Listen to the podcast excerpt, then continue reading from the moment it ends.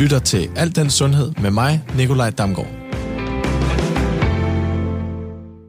Så er det endelig blevet øh, mandag igen, og vi er klar med et øh, helt nyt program af Alt den Sundhed her på Radio 4. Jeg håber, at øh, I har en dejlig december måned. Nu skal vi snakke om noget, der måske kan ødelægge julehyggen, nemlig i dag skal vi nemlig snakke om noget, som jeg har arbejdet rigtig meget med de seneste par år, nemlig kostens betydning for vores sundhed, ved og vel.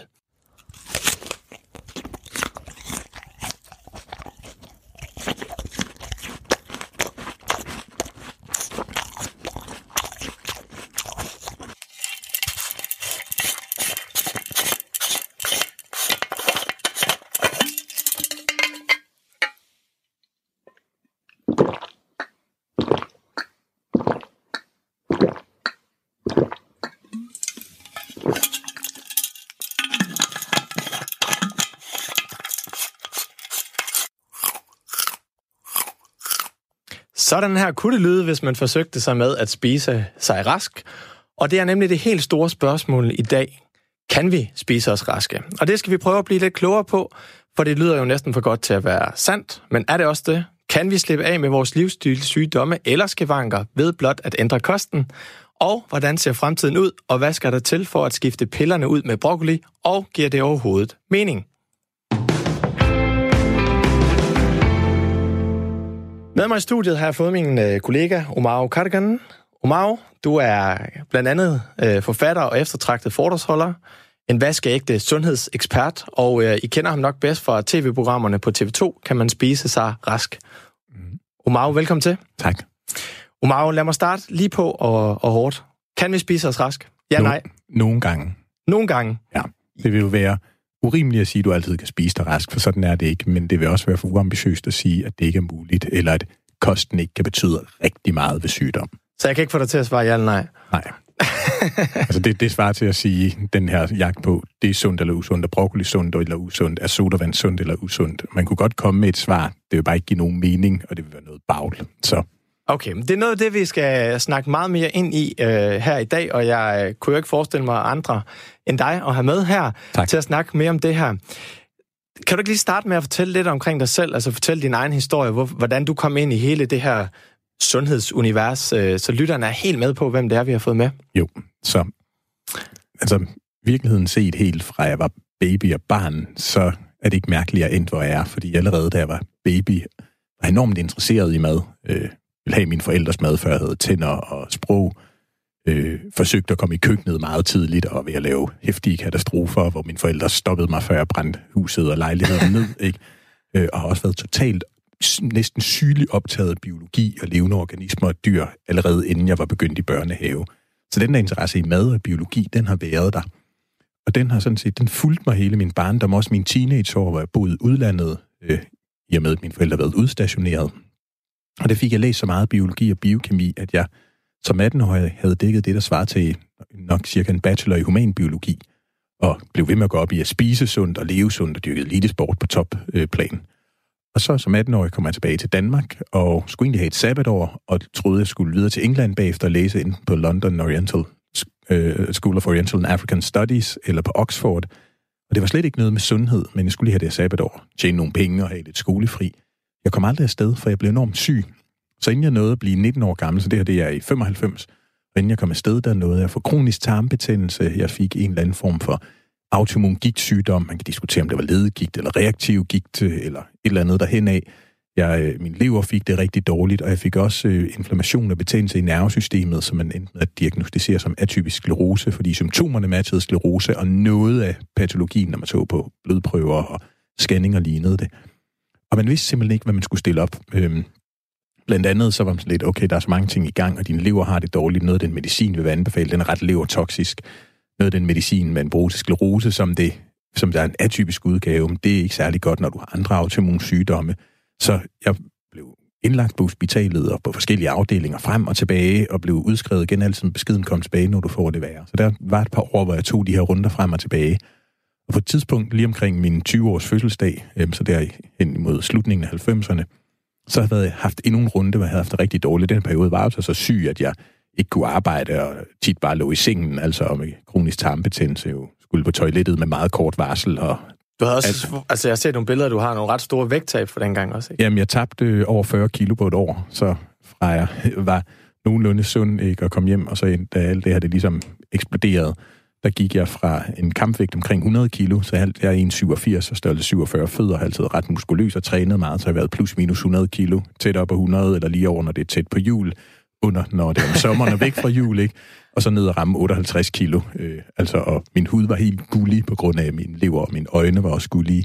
Så, ikke? Og, og, og, og jeg kan sådan set godt forstå, at man tænkte, hvad, hvad stiller vi op med ham her? Fordi den medicin, vi bruger til det, den duer ikke, fordi så giver den bagslag herover og, øh, og, og den der konstellation af symptomer, altså jeg kunne også have passet på en fibromyalgi, en kronisk træthedssyndrom-diagnose med smerter og total udmattelse.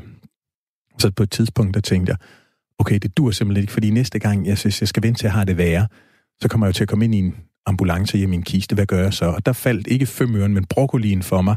Okay, en ting er, at kost og livsstil kan være sundt eller usundt, og det var jeg jo ganske udmærket klar over, og uden jeg har været det vildeste dydsmønster, så har jeg spist og levet ret sundt op til det tidspunkt, fordi jeg gik op i mad, jeg gik op i sundhed, jeg dyrkede elitesport, øh, så jeg havde opført mig ret pænt sammenlignet med rigtig mange af mine venner. Men så tænkte jeg, åh, jeg ved, om der er et niveau, eller to, eller tre, eller fire, eller fem, eller seks, eller syv niveauer dybere, hvor man simpelthen kan grave så mange spadestik dybere ned, øh, og begynde at bruge mad og ernæring som en slags individuel medicin. Og her kom den her personlige nørden, jeg egentlig har haft, og interesse i biologi og fysiologi og levende organismer mig til gode, fordi lige pludselig kunne jeg begynde at visualisere min krop og hele min biologi, og det foregik i, min, altså i mit system. Øhm, og begynde at se, okay, men den sygdom og de processer og de symptomer, så er det nok de her ting, der er ude at synke eller ude af balance kan vide, hvordan jeg kan begynde at påvirke dem med kost og ernæring og kosttilskud, også meget målrettet brug af medicin. Så jeg gik på den her opdagelsesrejse, både med min egen viden, men også op, med opsøge eksperter, både herhjemme og i udlandet, og fik brik for brik lagt det her puslespil og fandt ud af, hvorfor min krop var modspiller i stedet for medspiller, og hvordan jeg bogstaveligt talt kunne spise og leve mig rask. Så det tog nogle år at finde alle brikkerne, og så gå i gang, og så da jeg var hen i starten af 30'erne, det vil sige, det var der, hvor jeg følte mig rask igen. Altså allerede efter nogle år var jeg ikke syg som sådan, men jeg var stadig ret afkræftet og slet ikke i topform. Øhm, og den dag i dag, nu er jeg 42, i hvert fald kronologisk, jamen, de eneste men, jeg har tilbage, det er, at jeg har et fingerled, der stadig er skævt. Ikke fordi der er aktiv gigt i dem, der er arvæv. Og så har jeg lidt omkring min balance, øh, som efter ved af det her atypiske sklerose, eller i hvert fald neurologisk inflammation, så der er noget med min balance, når jeg skal bruge mit perifærsyn. Derfor så må jeg ikke køre bil, for jeg kan ikke rigtig kigge helt ud i kanten af synsfeltet, så jeg drejer hovedet, eller vipper hovedet, eller tilter hovedet, når jeg bevæger mig i højt tempo eller i høj hastighed. Jeg spiller heller ikke elite basket, som jeg gjorde tidligere, for det der med at sende øh, min krop øh, 50-75 cm op i luften og prøve at kigge i alle mulige retninger og dreje hovedet, og så ikke have styr på motorikken, når man lander, det gør ondt. Ikke? Så det er jo det, det er den personlige færd, og det er også derfor, at... Så, Ja, altså man kan godt ja. sige, altså du, du spiste dig jo stort set altså tilbage ja. til, ja. til en normal tilstand. Og hvad, ja, så, altså sådan som jeg lige hørte, så er det alligevel over 10 år, før du sådan følte... Ja, eller sige, altså, eller 5-7 år før jeg sådan var helt top of the pops igen. Ja. ja. Hvad ændrede du? Altså, var det primært kosten, du ændrede? Det var, eller var der? Ja, det var kosten, jeg ændrede ret markant. Så for mig, og det er ikke dermed sagt, at alle andre skal gøre det, men det, der virkede for mig, det var fem år, det var, måtte jeg være på det, man kan kalde for en ægte paleo. Ikke sådan en wannabe bacon smør paleo, men altså noget, der virkelig mindede om jeres samlekost. Masser af grøntsager, bær, lidt frugt, lidt nødder, fisk, skalddyr, rovn, fjerkræ, øh, æg øh, med måde, lidt vildt en gang imellem, øh, niks weiter. Altså, indmad? Og indmad, ja. Men ja. altså alt muligt andet, kornprodukter, med uden gluten, mejeriprodukter, også selvom det var hjemmelavet biodynamisk yoghurt, ikke, øh, og, og så videre. Altså, det gik bare ikke, for når jeg spiste det, så fik jeg nogle lem, læs, altså fik, jeg fik nogle hæftige klø af min krop, fordi de der symptomer blussede fuldstændig op. Og så har jeg selvfølgelig brugt næringsstoffer også i farmakologiske mængder, altså kosttilskud, men som man bruger medicin, altså konstant målt og taget masser af prøver og undersøgelser, også langt ud over, hvad man gør i det i klassisk lægeligt øje med øh, også i perioder brugt medicin helt målrettet, fordi jeg ligesom kunne se, okay, det er de og de mekanismer, der er skæve, så kan vi ramme dem meget præcist med det her medicin, når jeg ved, hvad molekylær mekanismen er, og hvad det var, der foregik i min krop, så jeg kan få nogle processer og systemer tilbage på plads. Øhm, så egentlig så ramte, dumpede jeg lige ned det, man kalder for functional medicine, uden jeg kendte ordet. Det lærte jeg først senere.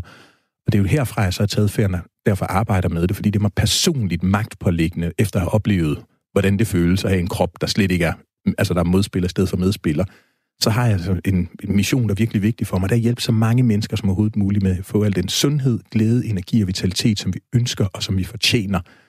Henten eller helst ved at blive ved med at være sund, altså ikke blive syg, eller hvis man er blive syg, der vil finde ud af, hvad er det, jeg selv kan gøre med kost, med livsstil, med ernæring, med personlig tilpasning, med eksperimentering, med at måle ting, så jeg får min krop på højkant igen og bliver rask, eller i hvert fald får det markant bedre, eller det her sygdom ikke får lov til at fylde det hele.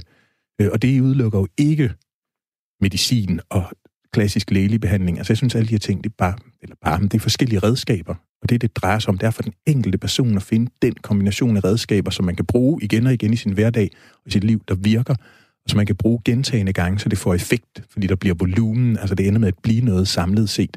Og så selvfølgelig med færrest bivirkninger. Og der er ikke nogen grund til dum fanatisme, men det er ikke det samme som, at man skal være uambitiøs.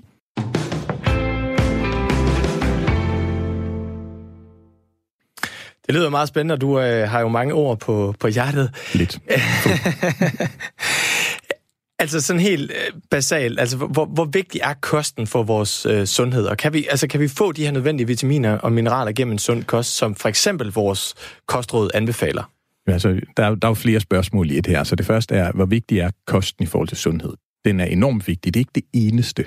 Så det, øh, jeg, altså, fundamentet for sundhed, der plejer at tale om det, der hedder kramsfaktoren. Så kost, og det er at finde den eller de ændringer, der skal til for, at man har det godt og er sund eller bliver sund igen, og som man kan holde fast i at gennemføre.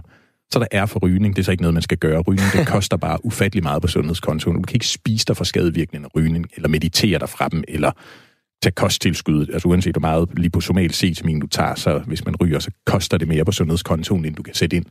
Så er der A for alkohol, så hvis det skal være, skal det være lidt, men godt. M for motion og bevægelse, og det behøver ikke at være fanatisk øh, eller vildt avanceret, men det skal ske. Det eneste motion og bevægelse, der tæller, det er det, du gør.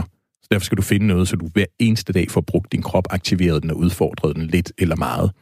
Så er der, altså, så det har kram, og så er der S for søvn.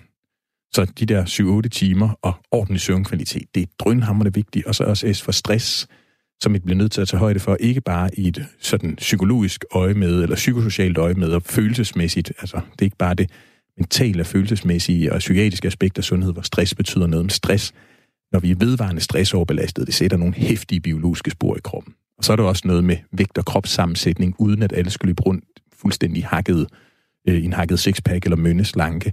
Så koster en af de her grundting, men man kan ikke sige, at kosten vigtigere end andet. Altså det, der hvis, altså, koster mest, det er rygning. Så man kan ikke øh, løbe sig fra skadevirkende rygning eller spise, altså uanset hvor meget biodynamisk blomkål og broccoli og palmekål og gurkemejeshots, du drikker, det kommer ikke til at få dig til at gå i nul. Så det er, altså det er, jo en, det er jo en faktor af mange af de her ting. Jeg ved ja. også, at der er noget, der ligger der meget på, på sinde, det her med, at vi skal øge vores indtag af, af grøntsager. Ja. Øhm, Jamen det er i hvert fald, altså hvis der er et, en ting, der er vigtig, og noget, der vil være nemt at gøre, i hvert fald udefra set, så er det, at vi kommer op på at få nok grøntsager og bærfrugt. Så de officielle anbefalinger, de, de er 600 gram. Men det er 600 gram, ja. Gennemsnittet, hvad... De sidste tal, jeg kunne finde, var 382 gram i døgnet øh, per voksne dansker. Og det er altså ikke... Eller, det kunne være meget bedre. Man kan jo tage den negative sige, det er ikke godt nok, og så kan man tage den positive udgave og sige, det kunne være markant bedre. Fordi de der 600 gram, det er ikke noget, man er landet på for sjov. Det, der ser ud til, det ser ud til, det er, at alt under 600 gram, der er altså øget dødelighed, sygdom, dysfunktion osv., og tallene ser ud til, og det her det er jo nogle estimater, for man kan ikke gå ud og måle nej, nej. det, øh, men at for hver 100 gram, man ligger under de 600, der stiger ens altså risiko for at dø af en kostrelateret velfærdssygdom, så ikke bare forekomst, men dødeligheden af dem, den ser ud til at stige med 10 procent. Det vil sige, får man kun 500 gram portioner grøntsager, bærfrugt over et liv, eller mange årtier i træk, så har man nok 10 procent større sandsynlighed for at dø af hjertekar-kredsløbssygdomme, type 2-diabetes og de cancerformer, hvor kosten spiller en rolle, og de andre velfærds- eller aldersbetingede sygdomme, hvor kosten er rigtig vigtig, end man burde have. Får man kun 400 gram, det er 200 gram under, så er der 20 procent større sandsynlighed. Ikke? Så hvis bare vi kunne få folk til at spise to gode håndfulde grøntsager og bærfrugt mere, end de gør i døgnet, ikke to samlet, men to mere i døgnet, der er i hvert fald mere end 200 gram, så burde vi, hvis de her tal holder stik, altså på estimater, vi kunne reducere dødeligheden af nogle af de her sygdomme, der fylder helt vildt meget med 20, måske 25 procent på mindre end en generation. Det er fandme meget, og det er ikke engang beklager ordsproget. Jeg, som sagt, det er helt okay. Det bliver mig magt på liggende, at jeg bliver sådan lidt... ja, ja. Altså, det her det er jo en mission for mig. Ikke? Ja. Det er det, Man kan se ind i dine øjne. Ja, øhm, det betyder helt vildt meget. Og ikke bare det, og så prøv at forestille dig, hvad der sker, hvis man også fik styr på de andre kramsfaktorer. Altså, vi gør noget ved rygning, der kan vi gøre det bedre. Og så ved jeg godt, der er hele diskussionen om personlig ansvar og personlig lov og lyst og hvad man vil. Altså, hvis man ser på det med sundhedsøjne, og så vi ikke skal ind i nogle lange debatter om formynderi eller ej, ikke? hvis vi kunne få gjort noget der, hvis vi kunne få styr på alkoholforbruget, og så sørge for, at alle går, cykler, eller så ligesom bevæger sig en halv til en hel time hver dag, og træner nogle gange om ugen ved højere intensitet, og finder noget træning, som de kan gøre igen, igen, igen og atter igen, så de får volumen og mængde på det. Ikke? Så gør det, og så får styr på de der 7-8 timer søvn, alle eller de fleste nætter med god søvnkvalitet, styr på stress, og så også styr på vægt. Og det betyder ikke, at alle skal gå rundt og være fuldstændig myndeslanke, men på et eller andet tidspunkt, så bliver overvægt, eller når vi kommer op i decideret fedme, så bliver det altså ret sundhedsskadeligt. Jeg er simpelthen nødt til, nu er programmet her skal jo handle om kostens betydning, ja. så, så lige tilbage til sporet her. Hvad, hvad, altså, det her, du er inde på nu her, og det lyder jo øh, øh, rigtig vildt og godt, og man kan jo også se, hvor, hvor meget det ligesom betyder for dig, men, men, men hvor meget, altså hvor stor, har, stor betydning har kosten, kosten generelt for vores sundhed? Jamen, det, altså, det er jo, det, det, det, hvis, det, hvis den ikke er i orden, så koster det. Vi kan jo se de her, ta- altså, de tal, det ser ud til, bare på ikke at få nok grøntsager, bær, frugt. Bum. 10% større ja. dødelighed af en lang række sygdomme, der fylder enormt meget i statistikkerne og i sundhedsøkonomien. Så kosten spiller en rigtig stor rolle, men, men jeg bliver ved med hele tiden at sige flere ting, for man kan ikke isolere det, som bare siger, bare du spiser sundt, så er alt godt. Nej. Nej, men det er også det, sundhed er jo flerfacetteret, ja. så man kan godt lade, prøve at lade, som om det er kun én faktor, eller også bare i kosten er kun én faktor. Du skal kun spise plantebaseret, eller du må ikke spise animalsk, eller du skal spise animalsk. Sådan er verden ikke. Så hvis man prøver at reducere en kompleksitet til noget, der er helt vildt enkelt, og giver en virkelig lækker punchline, eller lækkert slogan, det kan man godt, men det svarer til at argumentere med tyngdekraft. Man kan godt påstå, jeg, jeg er ligeglad med den, jeg tror ikke på den, så prøver at vandre ud fra fjerde sal, men det er en bræt og hård, brutal og smertefuld opvågning til virkeligheden. Og det er rigtig godt, du får det med, fordi det er jo nogle gange det, der ligesom bliver fejl i den her sundheds, at det er, at folk fokuserer på én faktor, og så tænker de ligesom, at det er, er redning for det hele. Øhm, men i dag skal det jo ligesom ja. handle om kostens betydning for vores sundhed, og yes. om det her med, om vi kan spise os raske. Ja.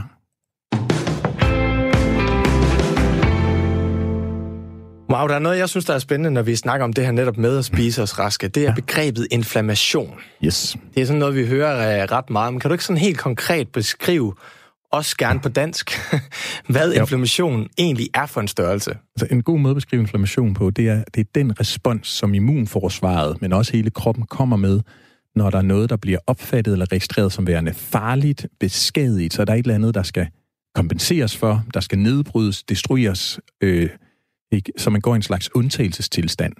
Og det er der egentlig ikke noget galt med. Hvis ikke der var inflammation, så kunne du ikke, altså, du kunne ikke forsvare det over for halsbetændelse eller lungebetændelse. Når der er kræftceller, så bruger man jo inflammation øh, til, at immunforsvaret går ind og finder dem og slår dem ihjel. Og der er de lokale effekter, der hvor immunforsvaret vælger, nu skal vi reagere på noget, forhåbentlig. Som for eksempel? Grund, jamen for, for eksempel i halsbetændelse, at der er bakterier, ja. godt, vi går til krig her. Og så er der også, men det der også sker i inflammationen, er, at der er nogle helkropslige ændringer, så hele kroppen går i en slags undtagelsestilstand, temperaturen stiger jo øh, tit. Ikke? Man får feber, fordi det er bare et dårligere miljø for bakterier og mikroorganismer at leve i. Der sker ændringer i hjernekemien, så det ser ud til, at produktionen af serotonin og dopamin og melatonin falder, så man bliver lidt mindre omgængelig, lidt mere sur, mindre motiveret. Der alt sammen er helt okay og smarte tilpasninger. Hvis du har lungebetændelse i en uge, så er det godt, du ikke er super glad og tænke ved at kysse og hænge ud med alle, ikke? for så får de også lungebetændelse. Du skal heller ikke lige ud og løbe et halvmarathon, fordi det kan du ikke holde til. Ikke? Og, der sker, altså, og der sker ændringer i energi om stofskiftet og omsætningen i kroppen, så blodsukkeret stiger, mængden af fedt i blodbanen stiger, fordi okay, vi er undtagelsestilstand og kamptilstand, der skal bare være ressourcer tilgængelige. Og alt det, vi kan kalde for vedligeholdelse og, og, og genopbygning og så renovation, det bliver sat på standby for lidt, men altså lige nu skal alle ressourcerne jo bruges på at bekæmpe malaria, eller hvad det nu er.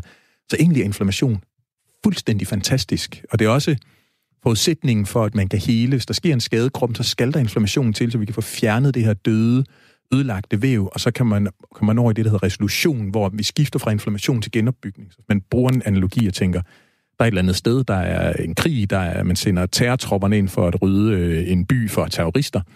Og når terrortropperne er færdige, så skal ingeniørtropperne rykke ind, fordi så skal der jo genopbygges. Husene skal genopbygges, der skal fjernes miner, der skal reetableres øh, strøm og øh, altså elforsyning og vand og varme, og, og der er skole og internet og telefonforbindelser.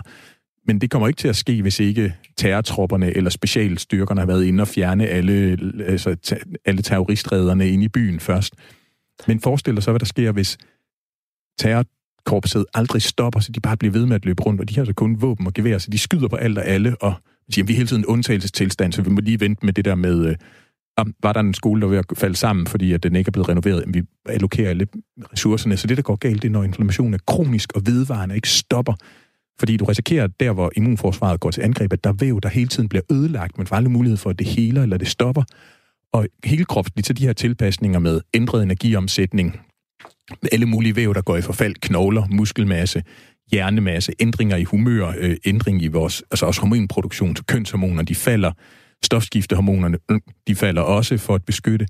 Men det er jo bare, det, er jo bare, det koster noget, som der ikke er værd at betale, når det bliver ved og ved og ved, især hvis det, ikke, hvis det er fejlagtigt. Altså det der er problemet, der man trigger inflammation fejlagtigt, og der egentlig ikke er en fjende, og så er du undtagelsestilstand. Det er noget rod. Det, det kan jeg godt høre. Vi snakker jo tit om, når, altså, når vi snakker kost, at det her med, at vi kan spise noget, der ligesom skaber inflammation ja. i vores krop. Yes. Hvad kunne det være, for eksempel? Jamen, det, øh, det er en af de ting, der er med til at skabe de her tilstande, hvor man får utilsigtet kronisk inflammation, så vi bare bliver revet stykker og bliver sat på standby. Det er generelt det, vi vil klassificere som usund mad. Altså, vi kan se, at for mange kalorier, også selv hvis det bare fra, fra dadel, øh, sortbønne, kokosolie, øh, hørfrøkugler, det giver et problem. Usundt fedt generelt, altså især fedtstoffer, der er branket og ødelagte. Når vi begynder at få ubalancer i typerne af fedt, så øh, måske ikke får nok omega-3-fedtsyre, det giver problemer. Et fravær af planteføde, så det er ikke få nok af de her grøntsager, bær, frugter, det giver problemer. En kost, hvor der ikke er nok D-vitamin, fordi D-vitamin er skide vigtigt, både for at immunforsvaret kan trigges, men også for at vi kan trække land igen. En kost, der ikke er med til at vedligeholde en fornuftig sammensætning af mikrober nede i tarmsystemet, for noget af den største daglige påvirkning af immunforsvaret fra dag til dag, det er jo nede i tarmsystemet. Og det kommer vi til at snakke om lige om lidt. Ja, nej, så, jamen, så, ja. men så linket med kosten. Ja. Så, så, så, så der er noget. Og så også bare overvægt. Altså når der er for meget fedtvæv, især hvis det sidder fedt, der sidder inde omkring organerne, eller værst inde i organerne, så begynder de her fedtceller faktisk at tale, og fedtcellerne, de taler dels sprog med immunforsvaret, så de er presset til bristepunktet til, vi vil dø baconfedt, eller smørfedt, eller hvad det nu er. Så, så siger de, sender de her svarsignalstoffer ud, og siger immunforsvaret, åh, oh, oh nej, Ebola-krig, Ebola-tilstand, ikke? og så går hele kroppen, den bliver jo revet ja. fra hinanden. Ikke? Altså, det er også derfor, der er et link mellem fedme eller tyndfedme og type 2-diabetes og kræft og overforkalkning af hjertekar kredsløbssygdomme, fordi alt bliver kørt ud på et sidespor, og alt går i forfald, og der sker skade, hvor der ikke skal være det. Og når vi så snakker kost og det, der skaber inflammation, så kan vi jo også snakke kost og det, der mindsker inflammation. Du var yes. lidt inde på det. Ja. Du nævnte omega-3 og D-vitamin, men hvad, ja. hvad, hvad kunne det ellers være, og hvor kommer de her? Jamen altså, igen det der med at spise en mad, der er ret sund i det, det første trin. Øh, og så at få en mad, der er energiafstemt med behov, sådan at man ikke ender i overvægt, eller altså i fedme, eller tyndfedme, eller at man gør noget ved det, hvis der sidder for meget fedt. Og så kan vi også se, altså det, at fravær af planteføde giver problemer, så det er et spise rigtig bredt af grøntsager, bær, frugter. Og der er selvfølgelig enkelte ting, man siger, jamen blåbær, aroniabær, ja. ingefær, gurkemeje. De er rigtig interessante, men de er mest interessante, hvis de bliver en del af en helhed med et væld af planteføde. Men hvorfor er de interessante? Hvad er det, de gør for vores krop og inflammation? Jamen, de jamen altså, mange, i det hele taget grøntsager, bær, frugter og planter, der er de her fytokemikalier, der er sådan nogle plantestoffer. Det er ikke helt vitaminer og mineraler, men de påvirker vores sundhed. Og de gør blandt andet det, de gør kroppen bedre i stand til, immunforsvaret bedre i stand til at vælge mellem tolerance og reaktion. Altså immunforsvaret har jo til opgave at finde fremmede. Det leder efter det, der hedder antigen, fremmedmolekyler, så det farer rundt inde i kroppen og i alle overfladerne, hud, slimhinder, i tarmsystem og øjne, leder efter, om der er et eller andet fremmed, og hvis det finder noget fremmed, så, eller noget, så skal holde det op mod databasen og siger, at det er kroppen selv er noget fremmed. Det fremmed skal du vælge mellem fremmed, but who cares, skal vi spise en falafel eller drikke noget myndete, eller fremmed, åh oh, nej, PET, kan I nakke dem nu? Og der, altså det med at få sunde fedtstoffer, få øh, nok D-vitamin, nok C-vitamin, nok zink, nok A-vitamin, og, og hvad er sunde fedtstoffer? Fordi det er jo noget, man... Jamen, altså... det er jo altså, det er noget af det, der er især vigtigt med den måde, vi har kommet til at spise på i moderne samfund, er, at vi skal have omega-3-fedtsyre fra fisk, skalddyr, rovn, hørfrø, hørfrøolie, chiafrø, hamfrø, hamfrøolie, valnødder, øh, og grønne blade indeholder også nogle omega-3-fedtsyre, der er også lidt i dyr, når de går rundt ude i naturen og spiser grønne blade, eller insekter, der lider grønne blade.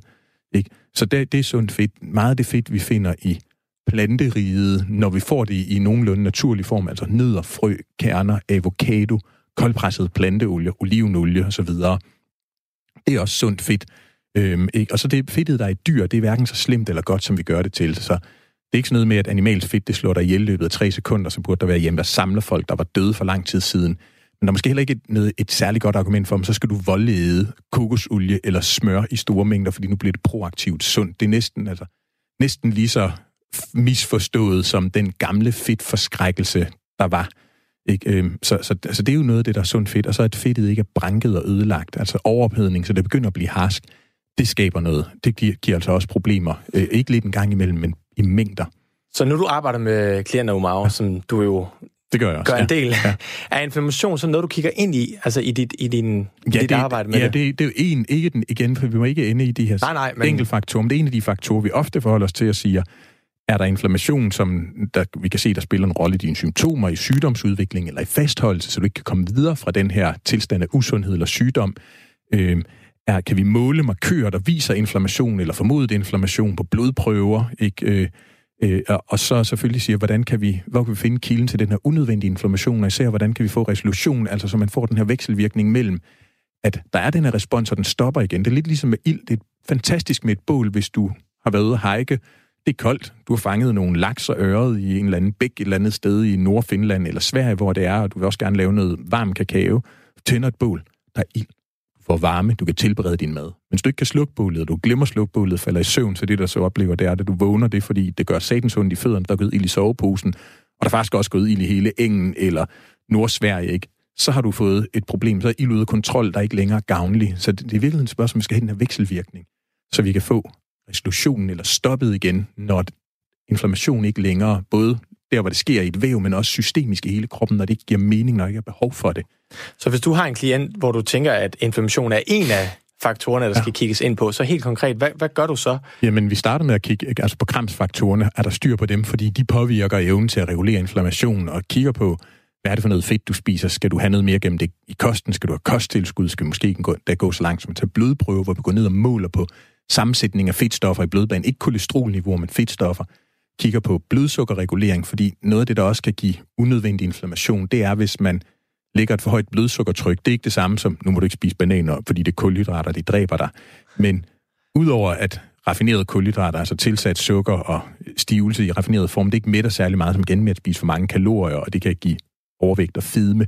Så er der også et eller andet med, at for høj blodsukkerbelastning, for højt blodsukkertryk, det kan også skubbe til inflammation og forværre det. Så det, det, det kigger vi på. Det er noget, der kan være med til at tænde det her bål. Det, ja, eller holde det fa- fastholde ja. det, eller ligesom bålet er der, vi vil slukke det, vi hælder væske på. Ups, det var tændvæske i stedet for vand, eller brand, det var en brand, firestarter i stedet for en brandslukker. Ikke? Så det ser vi på. Vi kigger på stress og søvn, fordi stress kan også sparke til inflammation. Søvnmangel kan sparke til inflammation. Overtræning kan gøre det. Ikke? Øhm, og så vil vi også kigge ned i tarmsystemet, fordi, som jeg var inde på, jeg ved godt, at vi skal tale lidt mere om det om lidt, men de der halvandet til to kilo mikroorganismer, der bor dernede, og alle de fremmede molekyler, det er jo noget af den største daglige påvirkning af immunforsvaret. Så hvis der er et eller andet, der går skævt dernede, så har du konstant noget, der trigger immunforsvaret, skubber til det og siger fremmede, og så immunforsvaret siger, og de er også farlige, godt, vi går i krigstilstand over det hele. Og apropos det, du lige var inde på omkring den her, det her lille miljø, vi har nede i ja. vores fordøjelse, så er det noget af det, vi skal til at snakke øh, om nu. Yes. Øhm, vi har lige snakket inflammation, ja. og vi snakker generelt omkring det her med kostens betydning for vores øh, sundhed, ja. og kan man spise sig rask? Mm. Øh, det vil du ikke svare helt konkret ja nej på, fordi der er mange andre ting i det. Jeg ja. synes, det var meget fornuftigt svaret. Og øh, nu skal vi snakke lidt mere om det her med fordøjelsens betydning for vores sundhed. Altså, øhm, jeg synes jo stadigvæk, det her med fordøjelsesproblemer kan være lidt tabuagtigt for mange at snakke ja. om. Og derfor plejer den jeg at bruge den... folk ikke tale om. Nej, bruge den lille metafor, der hedder, at vi har en lille indre guldfisk inde i vores, øh, mm. eller nede i vores lille mave, og hvis ja. den har det godt, jamen, så har vi det også godt. Og ja. så kan man nogle gange spørge om, hvad er det for et miljø, vores lille guldfisk, den svømmer rundt i? Mm. Er det øh, et godt og sundt og nærende miljø? Ja. Eller er det fyldt af kaffe, alkohol og stivelse og fastfood? Den gamle græske lægefader Hippokrates ja. sagde for mange, mange, mange år siden, at al sygdom starter i fordøjelsen. Ja. Er du enig i det? Igen, det er jo meget ret med sådan nogle ja-nej-svar, ja, men vent om at sige, det, der sker nede i det der mavetarmsystem, det har så stor indflydelse, ikke bare lokalt, men ud i hele kroppen, så du bliver altid nødt til at forholde dig til den her person, de her helbredsproblemer, den forhistorie, eller ved den her type sygdom, er der generelt, eller kunne der være noget, hvor fordøjelsen bidrager? Altså enten, at den er med til at få sag, forvære, fastholde, eller kan man gå ind via tarmsystemet og fordøjelsen og få fat i nogle af de her biologiske mekanismer i personen, også selvom de foregår et andet sted, og derved få mere sundhed og mere balance i systemet. Og, altså, så, så fordøjelse, øh, at det, det spiller en rolle, men man skal passe på med ikke at bare reducere det fordøjelse. En af dem, der også har talt meget om fordøjelse, det er jo Eli Metchnikov, øh, som der det er nogle hundrede år siden, ikke? og han var også, jamen, alt sker i tyktarmen. Så derfor så var hans svar også, at øh, for den finere elite i Moskva og Paris, at øh, vi kan også bare fjerne tyktarmen på jer, fordi så fjerner vi det sted, hvor at, øh, der kan ske uhensigtsmæssige ting med sammensætning af bakterier, omsætning af mad, men altså, det er jo lidt, det svarer til at sige, at vi kapper hovedet af for at undgå hjernerystelse og hjerneblødninger, ikke? så det er jo lidt for voldsomt. Men, men, men der er ikke nogen tvivl om det, fordi prøv at tænke på dernede, vores største kontaktflade med omverdenen, det er højst sandsynligt slimhinden nede i mavetarmsystemet. Man tog slimhinden i spiserør, mavesæk, tyndtarm, tyktarm, endetarm, blindtarm osv., og glattede den ud, så er der noget, og man diskuterer, hvor meget plads, altså areal der er, men det er et sted mellem nok en halv badmintonbane og to tennisbaner. Så det er den største grænse, vi har med omverdenen. Der er fyldt med mikroorganismer, der er halvandet til to kilo.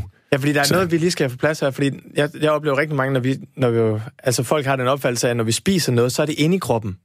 Jamen det er det, altså Ja og nej, det er inde i, men det er det ikke, for det er jo udenfor. Det er jo i virkeligheden en trakt, eller det er, hvad vi kalder en fordøjelseskanal. Det er jo et rør, eller et rørsystem. Rørsystem, ja, fra munden til bund. Fra, fra, ja, fra munden til bund, som der leder igennem. Øh, som, det er selvfølgelig inde i os, men det er jo udenfor, for det er på den anden side af en overflade. Ikke? Så, så? Og der er så fyldt med ja, mikroorganismer, øh, og igen så diskuterer man, hvor mange der er. Vi ved kiloene, men altså er det to gange så mange mikroorganismer, bakterier, svampe, parasitter og vira, andet der er dernede, som der er celler i kroppen, er det 10 gange. Vi er i hvert fald i undertal cellulært i kroppen. Og det er et helt vildt biokemisk miljø. Der sker jo enormt meget, det ved man også. Altså, maden kommer ned, den kommer ud i en helt anden tilstand, og der er blevet fjernet noget og tillagt noget.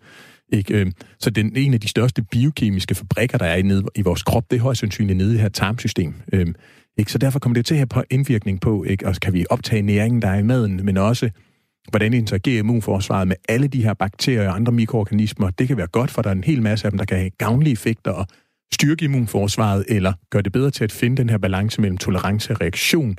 Øh, men der kan også være nogen, der hele tiden ligger og trigger irritation og gør, at man får lokale problemer, eller at man faktisk får inflammation, der sker ude i kroppen andet sted, selvom det starter i, eller noget af det, der signalerer det, det nede i tarmen. Ikke? Og så er der alle de her altså, fødevarekomponenter, det er også antigen, det er fremmede molekyler, og så bliver der dannet ufattelig mange biologisk aktive molekyler dernede, uden der er noget galt. Det er også bare et miljø, at overfladen, slimhinden, i mavesækken, hvor der kommer mavesyre og sådan noget, der er den udskiftet i løbet af 48 timer. Altså der er så meget slitage i løbet af to døgn, så skal alt erstattes med nyt. Syv dage i tyktarmen, så det er jo et hæftigt miljø. Øhm, og det er klart, det, det, det, det har jo afstikker alle steder hen ud af kroppen. Det kan du simpelthen ikke undgå. Nej, og en anden ting, jeg også synes, der er vigtigt, når vi snakker fordøjelse, det er jo, det er jo størst, her er størstedelen af vores immunforsvar sidder, hvilket er ret vigtigt, når vi snakker om det her med at spise øh, så rask. Ja, ja altså er det... Hvor stor er procentdel af det? Altså det, igen, der er jo diskussion frem og tilbage, men det er i hvert fald ja, ja. 60 procent af lymfekirtlerne, og, altså, og det er jo de steder, som siger, det er ligesom husene eller barakkerne, hvor de hvide blodlegemer bor. De sidder i forbindelse med mavetarmsystemet. Så det er i hvert fald halvdelen af, de hvide blodlegemer, dem der er tropperne og generalerne, immunforsvaret og spejderne, de er kontakt med og bliver påvirket af, hvad der sker der. Så derfor er det den største dag-til-dag påvirkning.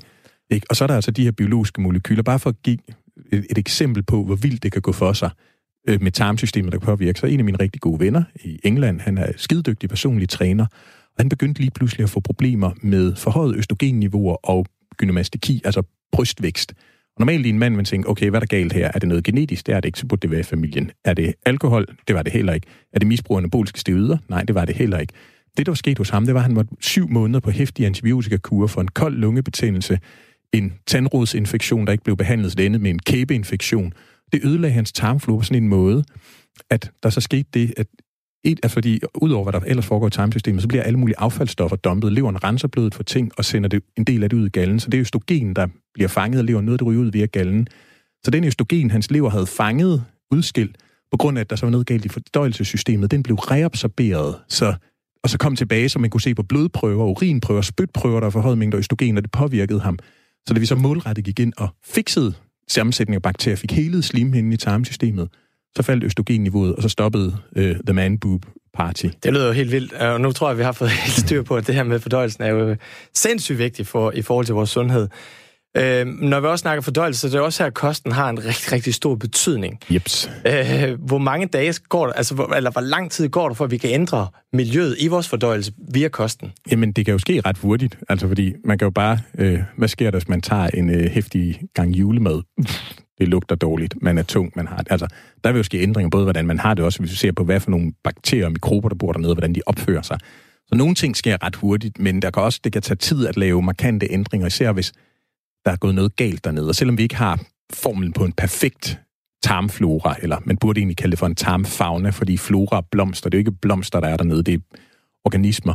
Så hvis den er blevet slået helt skæv på grund af langvarig antibiotika, en hæftig øh, infektion, eller øh, noget medicin, der måske har været nødvendigt, men som påvirker og som, øh, tarmsystemet og mikroorganismerne, så kan det jo godt tage uger og måneder eller år, og nogle gange så har man måske nogle folk, hvor den sammensætning af mikrober, der er dernede, den er blevet slået så skæv, at man resten af livet bliver nødt til hele tiden at gøre noget proaktivt for at holde den på plads. Og det kan også være julemaden, der, der påvirker det. det hvad, er det hvad, hvad kan vi gøre af altså, positive fødevarer? Hvad kan vi putte derned, som er godt for vores indre guldfisk? Jamen, start med at æde en hel masse planteføde, altså grøntsager, bær, frugter, nødder, kerner, frø, bælfrugter, øh, fuldkorn. Øh, hvis man så ikke tåler gluten, skal man ikke have de glutenholdige fuldkornsprodukter selvfølgelig. Ikke? Og, og så også fermenterede fødevarer, så fødevarer, der allerede indeholder gavnlige bakterier, så syrnede mejeriprodukter, om de er på komælk, kamelmælk eller plantemælk, syrnede, altså mælkesyregavet grøntsager, så kimchi, surkål, og der er også en masse andre fermenterede fødevarer, kombucha, kefir, natto, miso, you name it, som der indeholder, ikke? Øhm, altså, så vi starter med at spise en masse af det, der indeholder gavnlige bakterier, og også spiser noget af det, der fodrer dem. Og så igen afholder Og hvad det, kunne det være? Altså præbiotika for eksempel. Præbiotika, jeg ved, du er ret glad for resistensstivelse også. Jamen, der er det, der hedder resistensstivelse, som man Og hvad finder. er det? Jamen, det er noget af det, der dannes, når man har øh, opvarmet ned sådan nogle stivelsesholdige ting som kartofler og ris, og man køler dem ned, og det jo ændrer konsistens, så det er sådan nærmest gelé, man kan jo se konsistensen, det bliver sådan fast og gelagtigt. Og der, hvor du så, der, noget stivelsen, den bliver resistent, så vi kan ikke fordøje den, så kommer den langt ned i tyktarmen og bliver næring for de mikrober, der bor dernede, som der oftest er godt. Nogle gange så bliver folk, for folk så rigtig meget unødvendig aktivitet, så hvis man er uheldig, og der er flere ubudne gæster dernede, end der er ønskede gæster, så kan det også være et problem faktisk at spise for mange fiber, for meget præbiotika. Altså præbiotika, det der fodrer tarmbakterier, men ofte så er det bare godt at få meget præbiotika og bredt forskelligt udvalg fra forskellige fødevarer. Det starter altså med masser af plantemad, og så at spise sundt. Så det er altså sundt fedt kan vi også se påvirker sammensætning, så det skal skifte i tarmbakterier, alt efter man får omega-3 fedtsyre eller øh, frityreolie, ikke? Øh, og, og med animalsk protein, hvad det er for noget, hvordan det bliver bearbejdet, altså det påvirker, og kilderne påvirker også i alle mulige retninger. Øh, ikke? Så, så der kan vi gøre noget. Altså, så igen, spis sundt. Lad med at drikke alt for meget alkohol. Det betyder noget. Og så er der nogle interessante studier på faste eller sådan noget vekselfaste, der også har gavnlig effekt. Så man i perioder spiser mindre, øh, eller ikke spiser noget, og så spiser sundt resten af tiden. Der kan man faktisk se, hvordan det også giver anledning til en større vækst af nogle af de grupper af bakterier og andre mikroorganismer, vi formoder eller siger har en eller anden sammenhæng med sundheden dernede, men også i hele kroppen. Og jeg bliver nødt til at stoppe dig nu, Mau, fordi det, du kan jo snakke sindssygt længe, og det er så interessant at høre omkring det her med øh, fordøjelse, men jeg håber, at vi, vi fik lidt mere styr på, hvor vigtigt den er, ja. og hvad det faktisk er, vi håndgribeligt kan gøre for at bedre vores lille akvarium med den, med den søde lille guldfisk. Ja.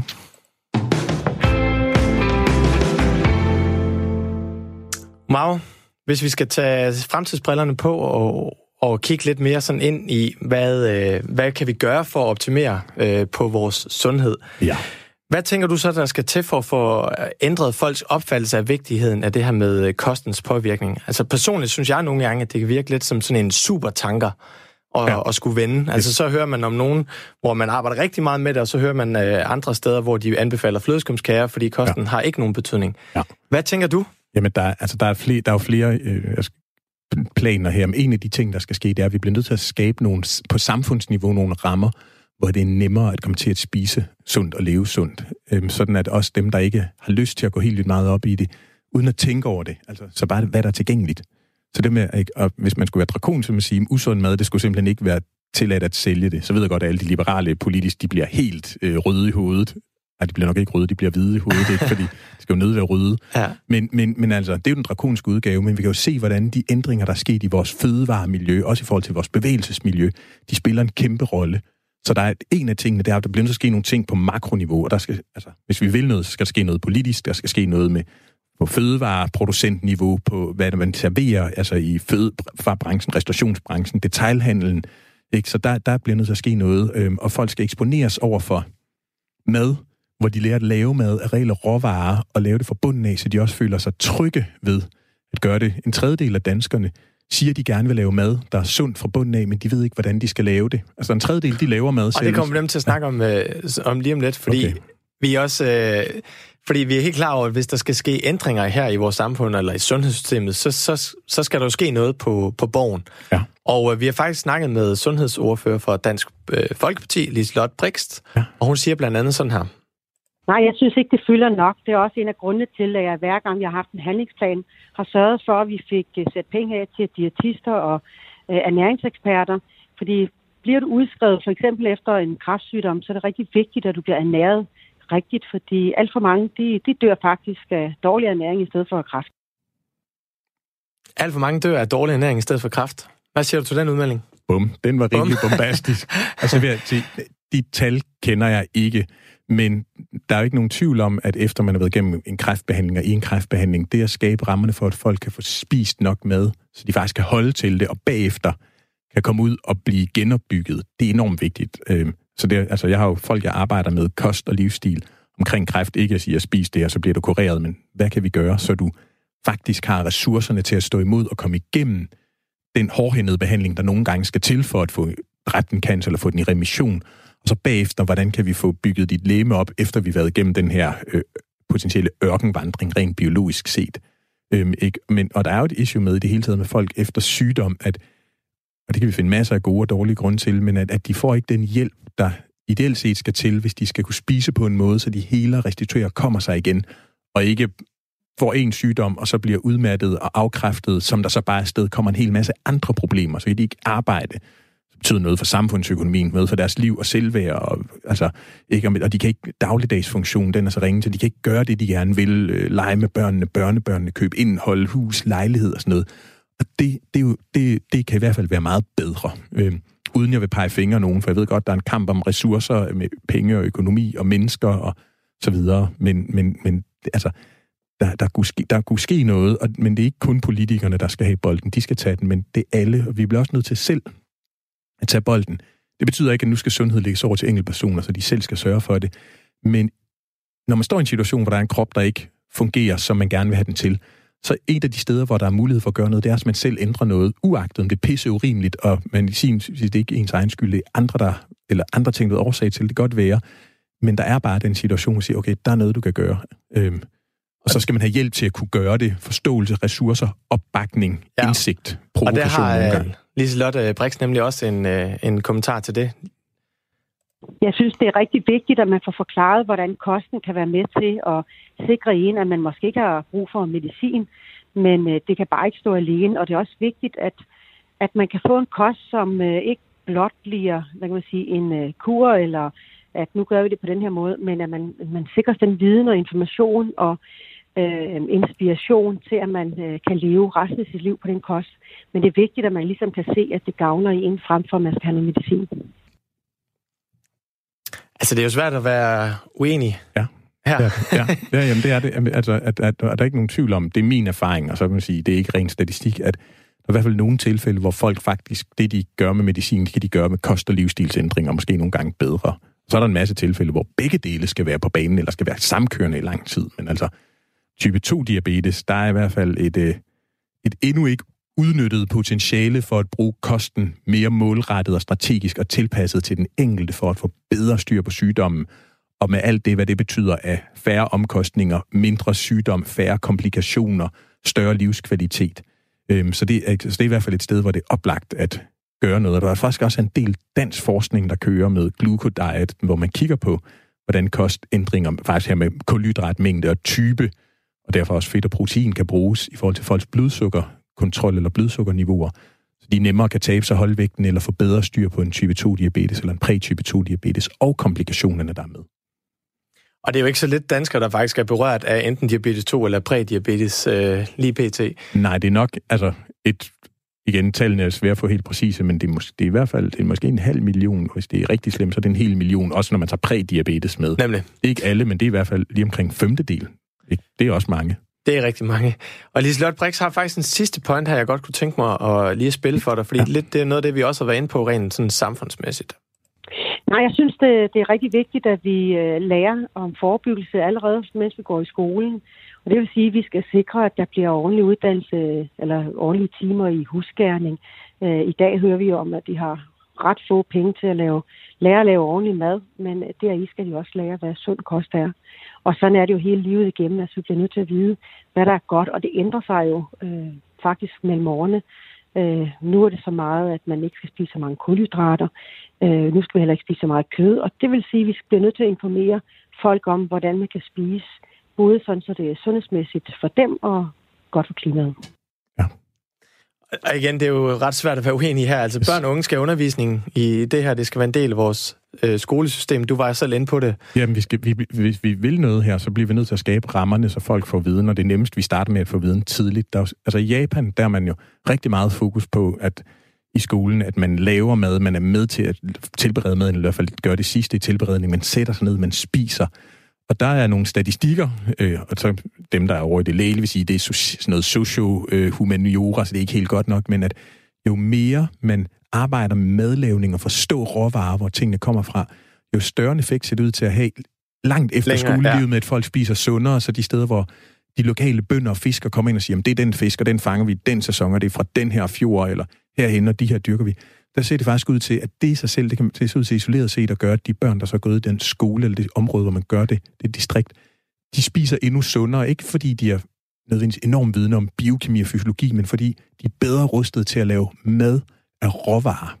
Det lyder jo, altså, det burde jo være, ja, ja sådan det også var i, i det danske system. Nu snakker vi jo hele tiden der med at spise, uh, spise sig rask. Ja.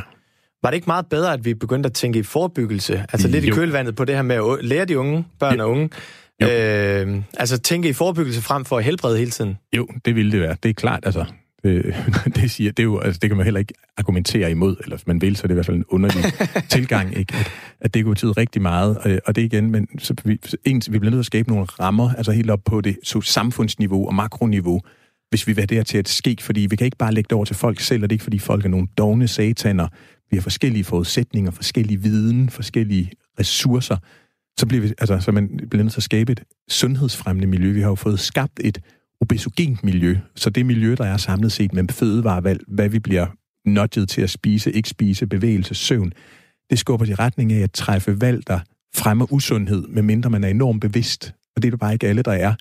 Øh, ikke? også os, også der er super sundhedsbevidste. Vi er sikkert nogle totalt gokkenolliker på andre områder, ikke? hvor vi er på trillebøger eller et trehjulet cykelniveau. Ikke? Så, så der er noget, der skal ske på det der samfundsniveau, og så skal vi også altså, vi bliver nødt til at finde en måde også at gøre det ikke sekterisk og fanatisk på, for trods det er en af grunden til, at der er en del, der siger, ah, det er da fordi, de får det præsenteret på en måde, hvor de får dårlig samvittighed, de tror, at de skal opgive deres liv, eller de skal gøre noget, der er så markant anderledes end der, hvor de er. Så de kan ikke forestille sig, at det nogensinde bliver anderledes. Altså, det, det kommer ikke til at ske. Det kan sagtens være, at de i virkeligheden laver kæmpe ændringer. Men hvis, hvis det er så langt fra, hvor man er, hvordan skal man så forestille sig det? Så der er også noget med formidlingen. Jeg tror, vi skal over i tale meget mere om, hvad der er godt, hvorfor det er godt, og hvordan vi gør det nemt og spændende, uden det uambitiøst, i stedet for hele tiden løbe rundt med løftede pegefinger, fordi psykologisk det, der man taler om, det er forkert. Både når man taler til andre, men også til at selv sige, åh, hvor var jeg dumt kagebordet, faldt ned i gabet og sådan noget. Hvor motiverende er det for at gå i gang med at spise smoothie i morgen, eller hvor meget tænker man så, det er det også ligegyldigt, og jeg er også dum, og jeg er viljesvag, og jeg kan ikke finde noget, og jeg har ryggrad som regnorm kagebordet falder ned i gabet på mig igen med Nutella smoothie. Ikke? Altså, så, så der er en, øh, også nogle ting omkring, hvordan vi kommunikerer om sundhed, som jeg tror kunne gøres meget bedre, eller i hvert fald med en måde med større effekt, øh, ved at ændre, hvad vi fokuserer på, og hvordan vi taler, og alt det der fordømmelse og pege en finger, det skal simpelthen væk, det skal dø. Det var meget groft sagt, men det mener jeg, fordi der er ingen, der får noget ud af det. 30 sekunder til at give din øh, allerbedste råd til en sund kost. Spis til jeg tager du... tid. Ja, godt. Okay. 1, 2, 3. Spis til du ikke længere er sulten i stedet for til du er mæt.